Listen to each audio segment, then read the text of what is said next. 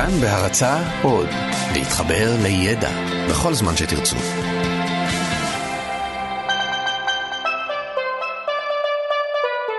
לא סופי, עם דוקטור אושי שוהם קראוס ויובל מלכי.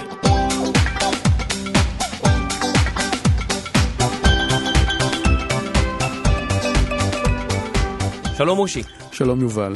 אתה יודע, בזמן האחרון יש הרבה בדיחות אה, על תימנים שעוסקים בקמצנות, שאומרים שהתימנים קמצנים.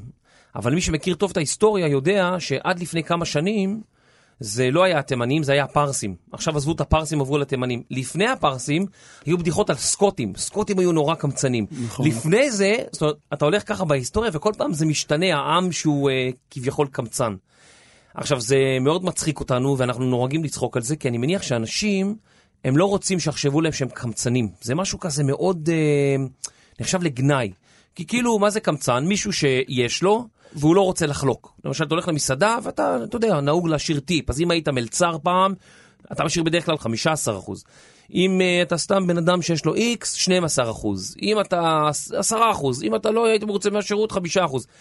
קשה לך להיות בחברה של אנשים קמצנים, זה כאילו לפעמים גורם לך לאי נעימות, אתה אומר לא נעים.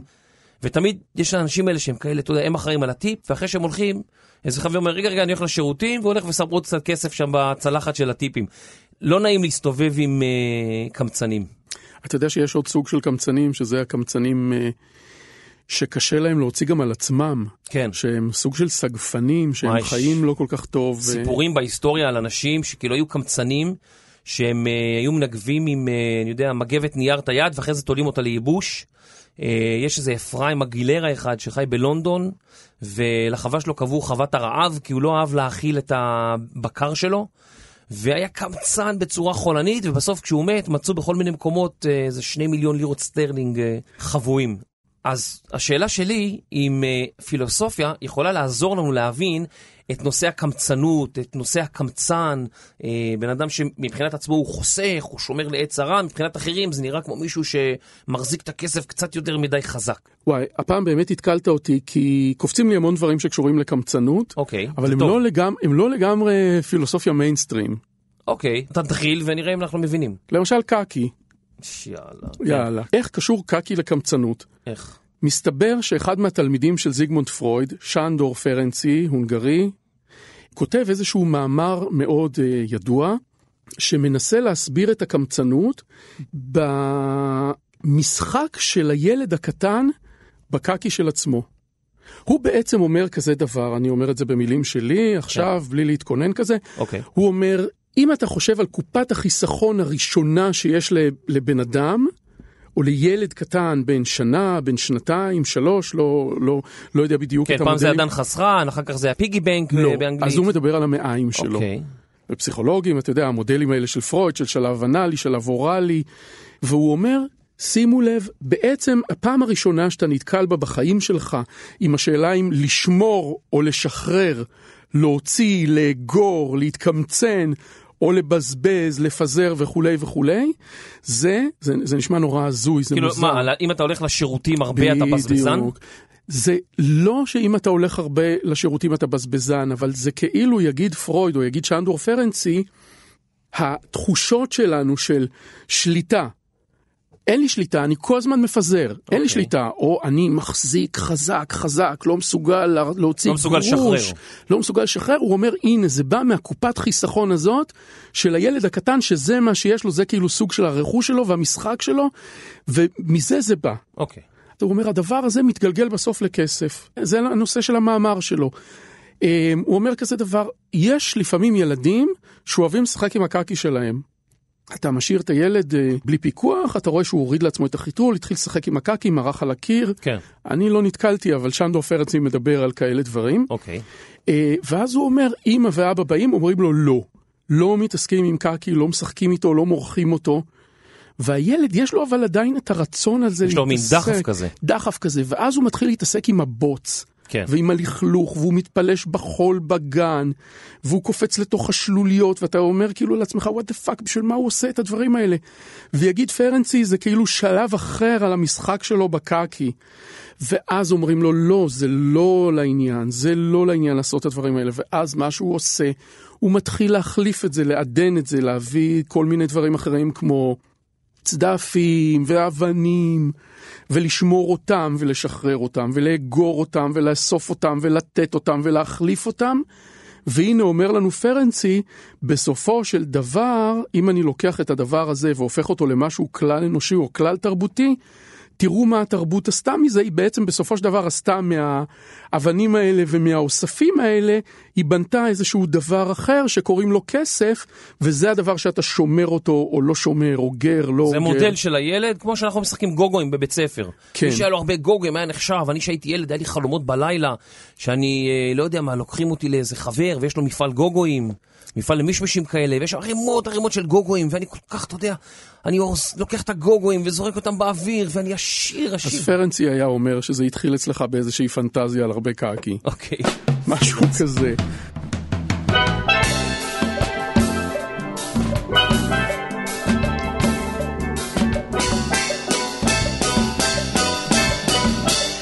אבל אתה יודע, זה לא נתקע שם, כי אפשר לקחת את הניתוח הזה ולהסתכל על אה, קבוצה של כלכלנים שפעלה המאה ה-16, 17, בטח גם לפני, שקראו להם מרקנטיליסטים. יצא לך לשמוע על האנשים האלה? לא? האנשים האלה, מה שהם אמרו בכלכלה, זה שהדבר היחידי שיש לו ערך בכלכלי, זה זהב. אוקיי. רק לזהב יש ערך. עכשיו תשמע, בימינו זה שונה. נגיד שאני רוצה לדאוג לעתיד של הבנות שלי, ויש לי 30 או 40 אלף שקל, אז אני לא אקנה בזה קילו זהב, או אני לא יודע כמה זהב קונים בזה, ואשב על זה ככה כמו איזה קמצן ואתן להם את זה בעתיד.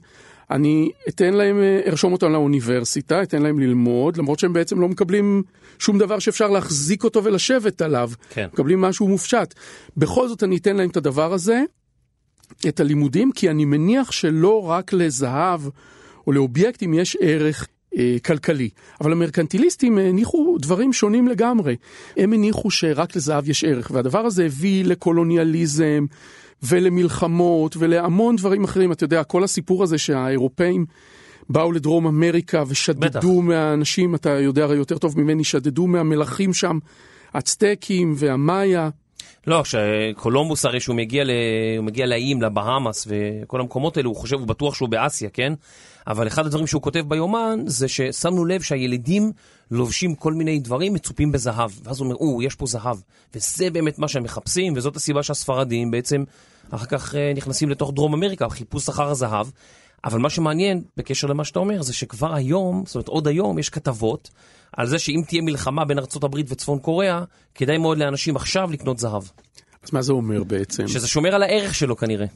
או שאנחנו באיזשהו אופן קשה לנו לחיות עם מערכת ערכים כלכליים מופשטת. מה זה כסף בימינו? זה בעצם אות דיגיטלי. כן. מתי אתה רואה את הכסף שלך? מה זה הכסף שלך? השטרות והמטבעות שאנחנו מחזיקים זה אולי 3 עד 7 אחוז מכל הכסף שיש בעולם. הכסף בעצמו, מה שקמצנים רוצים, קמצן לא יושב בימינו על ערימות זהב, הוא יושב על האפליקציה שלו של הבנק, וכל הזמן מסתכל על המספרים. קמצן דיגיטלי. קמצן דיגיטלי, אבל נגיד שהקדוש ברוך הוא יוציא את השקע, את התקע של כל מחשבי, של כל המחשבים של כל הבנקים מהקיר, אז הוא ישים את הכסף שלו במזרון. לא, אז אין לנו, הלך לנו הכסף, ויכול להיות שהתפיסה הזאת, אנחנו איכשהו מסתדרים יפה מאוד עם כסף מופשט. זה הולך טוב עם הקמצנות שלנו ועם הפזרנות שלנו, אבל ברגע שאנחנו קצת חוששים, פרנסי היה אומר שאנחנו ישר חוזרים למשהו חזק וחם שמוכר לנו. לזהב, שהוא גלגול של קקי. הקקי. הזוי? כסף זה קקי?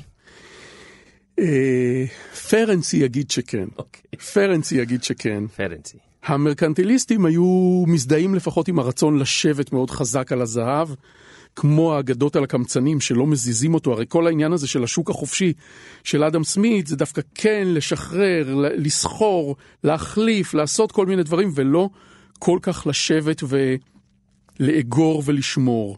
אתה יודע, מספרים על קמצן אחד ש... על ארז דווי. וככה הוא כבר לא רואה כלום, והוא ממש ככה, רגעים אחרונים לפני המוות. ואז הוא אומר, משה פה, אז משה אומר, כן, אני פה. סיגלית פה, כן, אני פה. ברכה פה, כן. נו, אז למה האור בשירותים דולק?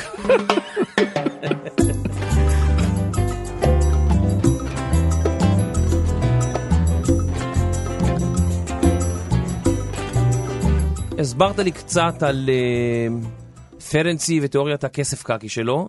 יש uh, אנשים אחרים שיכולים להסביר לנו עוד קצת בדרך להבנה שלנו כאן בישראל 2017 של מה זה הנושא הזה קמצנות, מאיפה זה מגיע, למה אנשים קמצנים, ומה זה טוב. אמ, אני יכול לנסות, אבל שוב, אני לא מצליח לעשות את זה היום פילוסופי, אני הולך למקומות קצת יותר רחבים. יאללה. אמ, בוא נלך לרפורמציה. כן. תספר על הרפורמציה. יש הרבה מאוד נוצרים במאה ה-16 שמאמינים שהכנסייה הקתולית היא כבר אה, לא כנסייה אה, ישרה ויש אה, הרבה שוחד והרבה מאוד בעיות. ומרטין לותר למעשה תולה האשמות על דלת כנסייה, אה, 95 התזות זה נקרא. ולמעשה זרמים נוצרים חדשים אה, נוצרים שיש, שהם מאוד שונים מהקתולים, הזרמים האלה נקראים הזרמים הפרוטסטנטיים, ונגיד אצל הקתולים שאנחנו מכירים בסרטים, כן, שבן אדם נכנס לתא ויש וידוי מול הכומר, שהכומר זה כאילו לינק ישיר לאלוהים, פה יש רברנד, זה כומר קצת אחר והדיבור שלך לאלוהים הוא יותר ישיר. הדיבור שלך לאלוהים יותר ישיר, אבל עד כמה שאני יודע, בזרם הקלוויניסטי השוויצרי זה שונה. התחושה היא שאלוהים בחוץ ואין אין לך את הקשר הישיר כל כך. אתה לא יכול לדעת אם אלוהים מבסוט ממך או לא מבסוט ממך, והדבר הזה יש לו איזושהי השפעה נורא מעניינת, כי מה שקורה לאנשים האלה, הם מנסים בכוח למצוא סימנים שאלוהים מרוצה מהם, כן. וזה בא לידי ביטוי, יגיד לנו סוציולוג בשם מקס ובר, בהתנהלות המסחרית שלהם, הכלכלית שלהם. מה שעושים הפרוטסטנטים הקלוויניסטים האלה, הם רוצים להגיד לעצמם, אלוהים בחר בנו. אוקיי. הם לא כול- יכולים... כולם רוצים להגיד את זה. כן. כולם רוצים, אה, לא, לא בחר בנו, מבסוט מאיתנו. הוא אנחנו- הכי מבסוט מאיתנו. בדיוק. ואז אין להם את מי לשאול, ואין מי שיגיד להם, ואז הם אומרים, רגע, צריך לראות אם אנחנו מבורכים, אם אוקיי. אנחנו הצלחנו בחיים. ואז הם עובדים נורא קשה, וחוסכים המון המון המון כסף, ולא מוציאים את הכסף הזה בכלל. מה הם עושים עם הכסף שהם חסכו? משקיעים אותו, מייצרים עסק נוסף. יש רווחים מהעסק החדש, הם לא מבזבזים אותם, הם שומרים את הכסף, הם בונים עוד עסק, ועוד משקיעים בעסק, ועוד מר... זאת אומרת, הם מאמינים שאלוהים רוצה שהם יצליחו כלכלית? לא, הם אומרים משהו כזה כמו, הצלחתי כלכלית, אולי זה סימן שאלוהים בחר בי, אולי זה סימן. אוקיי. ומה שמקס ובר יגיד, הוא יגיד, תראו, הדבר הזה, תראו איך דבר כזה שקשור לאמונה ולתפיסות תיאולוגיות, לתפיסות שקשורות לאמונה באלוהים, בסופו של דבר מביאות לפרקטיקות, להתנהגויות מסוימות גם בעולם הכלכלי, ואנשים מתנהגים בקמצנות, אולי בגלל זה שהם רוצים להצליח ולייצר את עצמם כעשירים ולהראות לעצמם הנה הוא בחר בנו, והוא יגיד שזה בעצם החלק מהמצע שעליו צמח הקפיטליזם באירופה. מעניין, זאת אומרת שאם יש לי איזשהו חבר קמצן, אה, זה אומר שהוא פשוט כל כך רוצה להצליח, שהוא רוצה לחסוך אגורה לאגורה, בשביל שהוא יוכל לעשות עם זה אחר כך משהו טוב. אצל הקלוויניסטים זה יותר קשור לרצון האל, שבאמת יצליחו ו... לא בדיוק, לא בדיוק. זה כאילו משהו במהות של הקפיטליזם הישן. מה הפירוש של הקפיטליזם הישן? העניין הוא שאתה עובד, בונה עסק, מרוויח, לא מבזבז, חוסך, משקיע בעסק, עוד מגדיל את העסק, עוד חוסך, משקיע בעסק, וכולי וכולי. אתה לא נהנה משום דבר, אבל אתה מגדיל את העסק, והנה יש לך קופה מתחת לתחת. אתה יכול להגיד, אני יושב עכשיו על מיליונים, אני הצלחתי. הקלוויניסטים יושבים גם על. מיליונים? זה כבר לא רלוונטי, גם אני אגיד לך משהו, המערכת הכלכלית של ימינו היא שונה. במערכת של ימינו, אם אנחנו לא נבזבז, כולנו נפשוט את הרגל.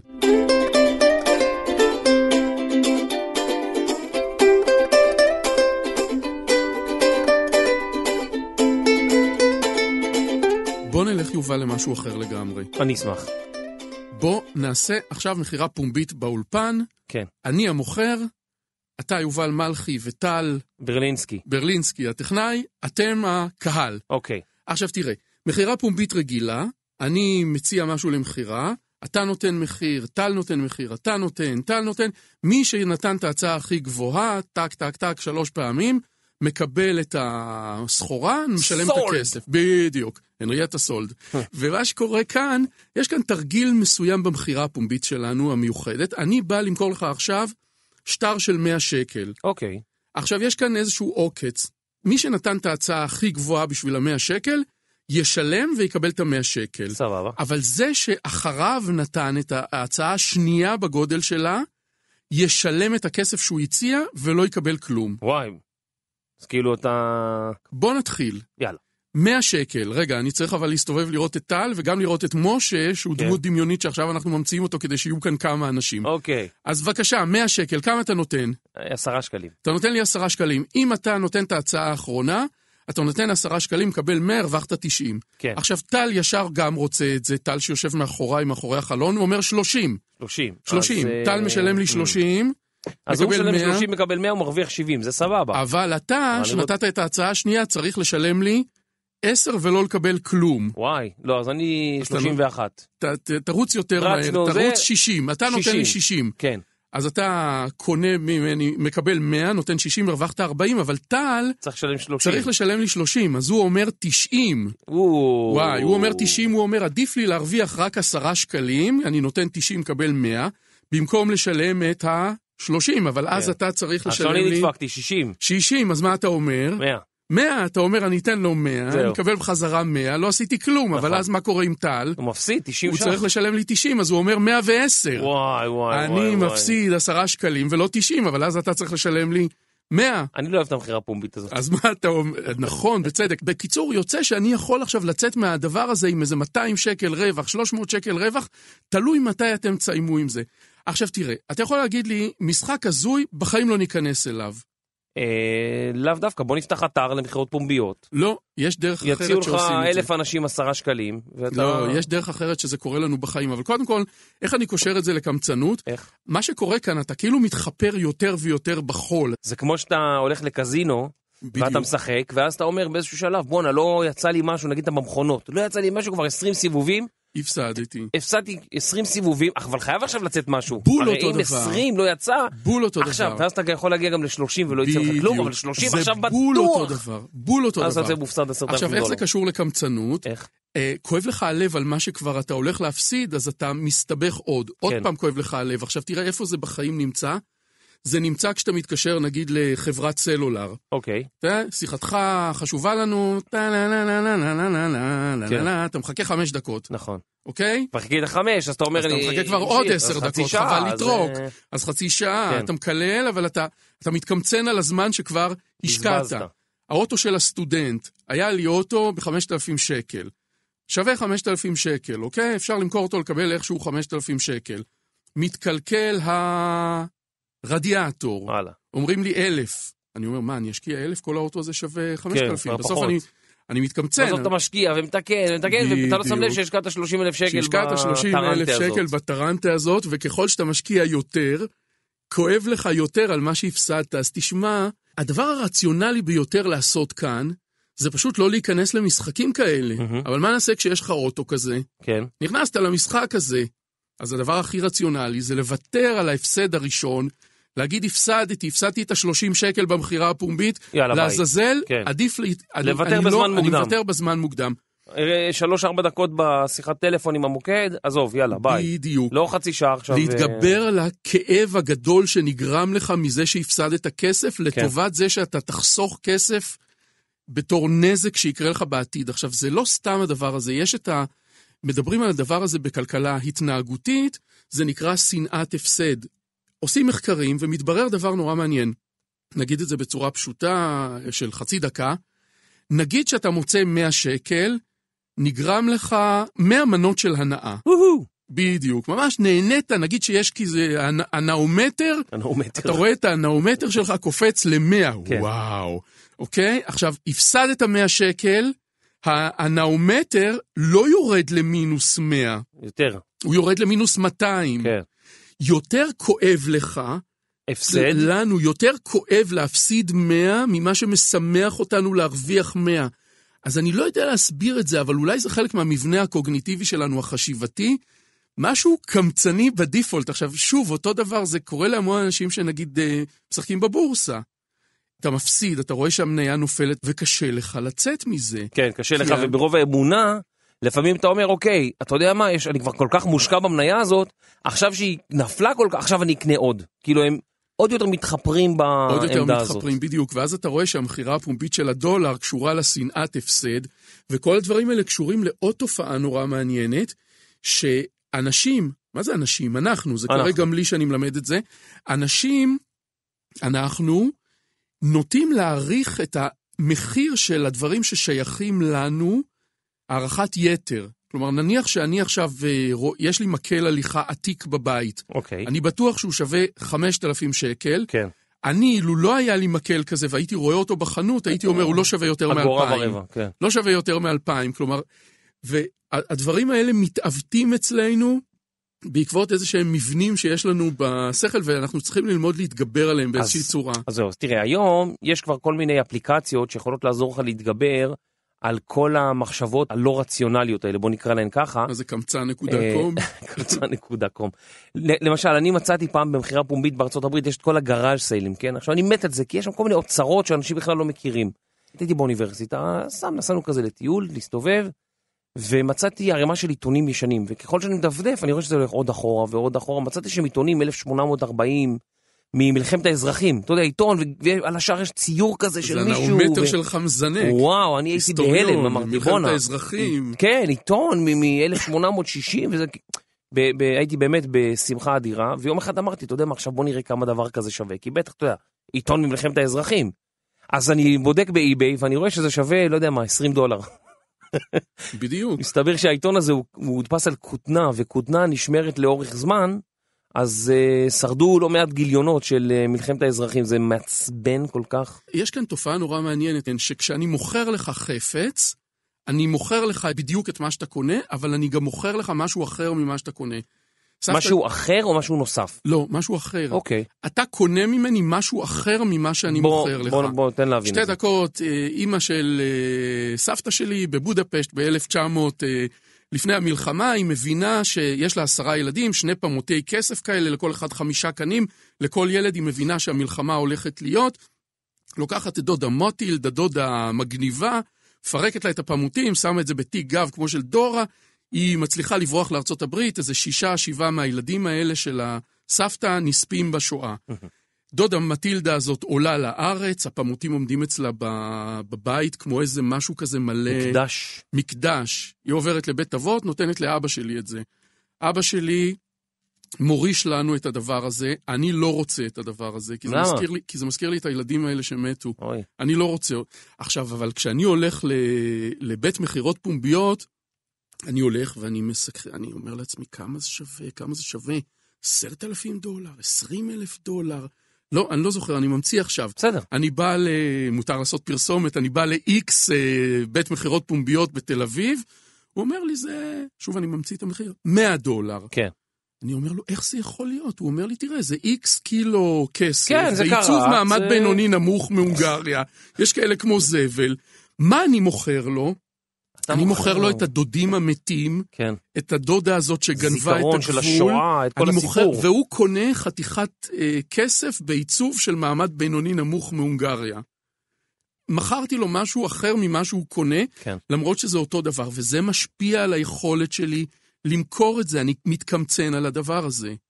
אני, אוקיי. אני לא הייתי מוכן למכור כן, את אתה זה. מוכר חפץ, אבל הסיפור מאחורה, כמו העיתון הזה שאני מספר לך, נסעתי ומצאתי באיזה בית, וזה כאילו, זה, יש המון זיכרונות מהעיתונים האלה, זה לא 20 דולר. כשאני מסתכל על העיתון, אני נזכר בטיול של פעם, ואני, כן, כל, כל חפץ שיש לנו, הוא נושא עמו לא רק את החפץ עצמו, אלא סיפור שלם מאחוריו. כל מי ששומע אותנו בעצם עכשיו, בטוח שיש לו איזשהו חפץ, שאם אתה מסתכל עליו סתם, הוא, אוקיי, זה כדור, איזה מנורה, איזה, ובשבילו, וואו, זה איזה משהו, החברה הראשונה נתנה, הסבתא, הדודה.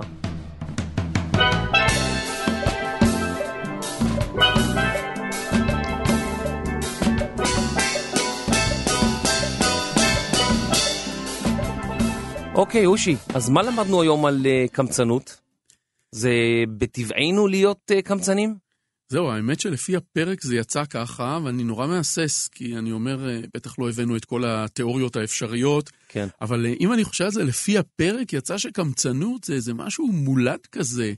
בהקשר של פרויד ופרנצי זה משהו שעולה מהפסיכולוגיה הטבעית שלנו, שעולה מהפיזיולוגיה, מהקקילוגיה.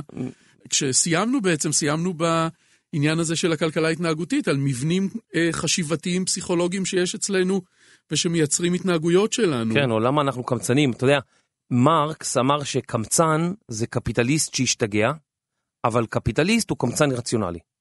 אם אתה קפיטליסט אז זה טוב להיות קמצן, אחרת זה לא, זה לא הגיוני. הבנתי. אנחנו נדבר עוד על כסף uh, בהמשך. טיפ קטן לסיום, אפליקציה שנקראת רובו-הולד, מאפשרת לך להתקשר לכל החברות הגדולות בלי להמתין על הקו.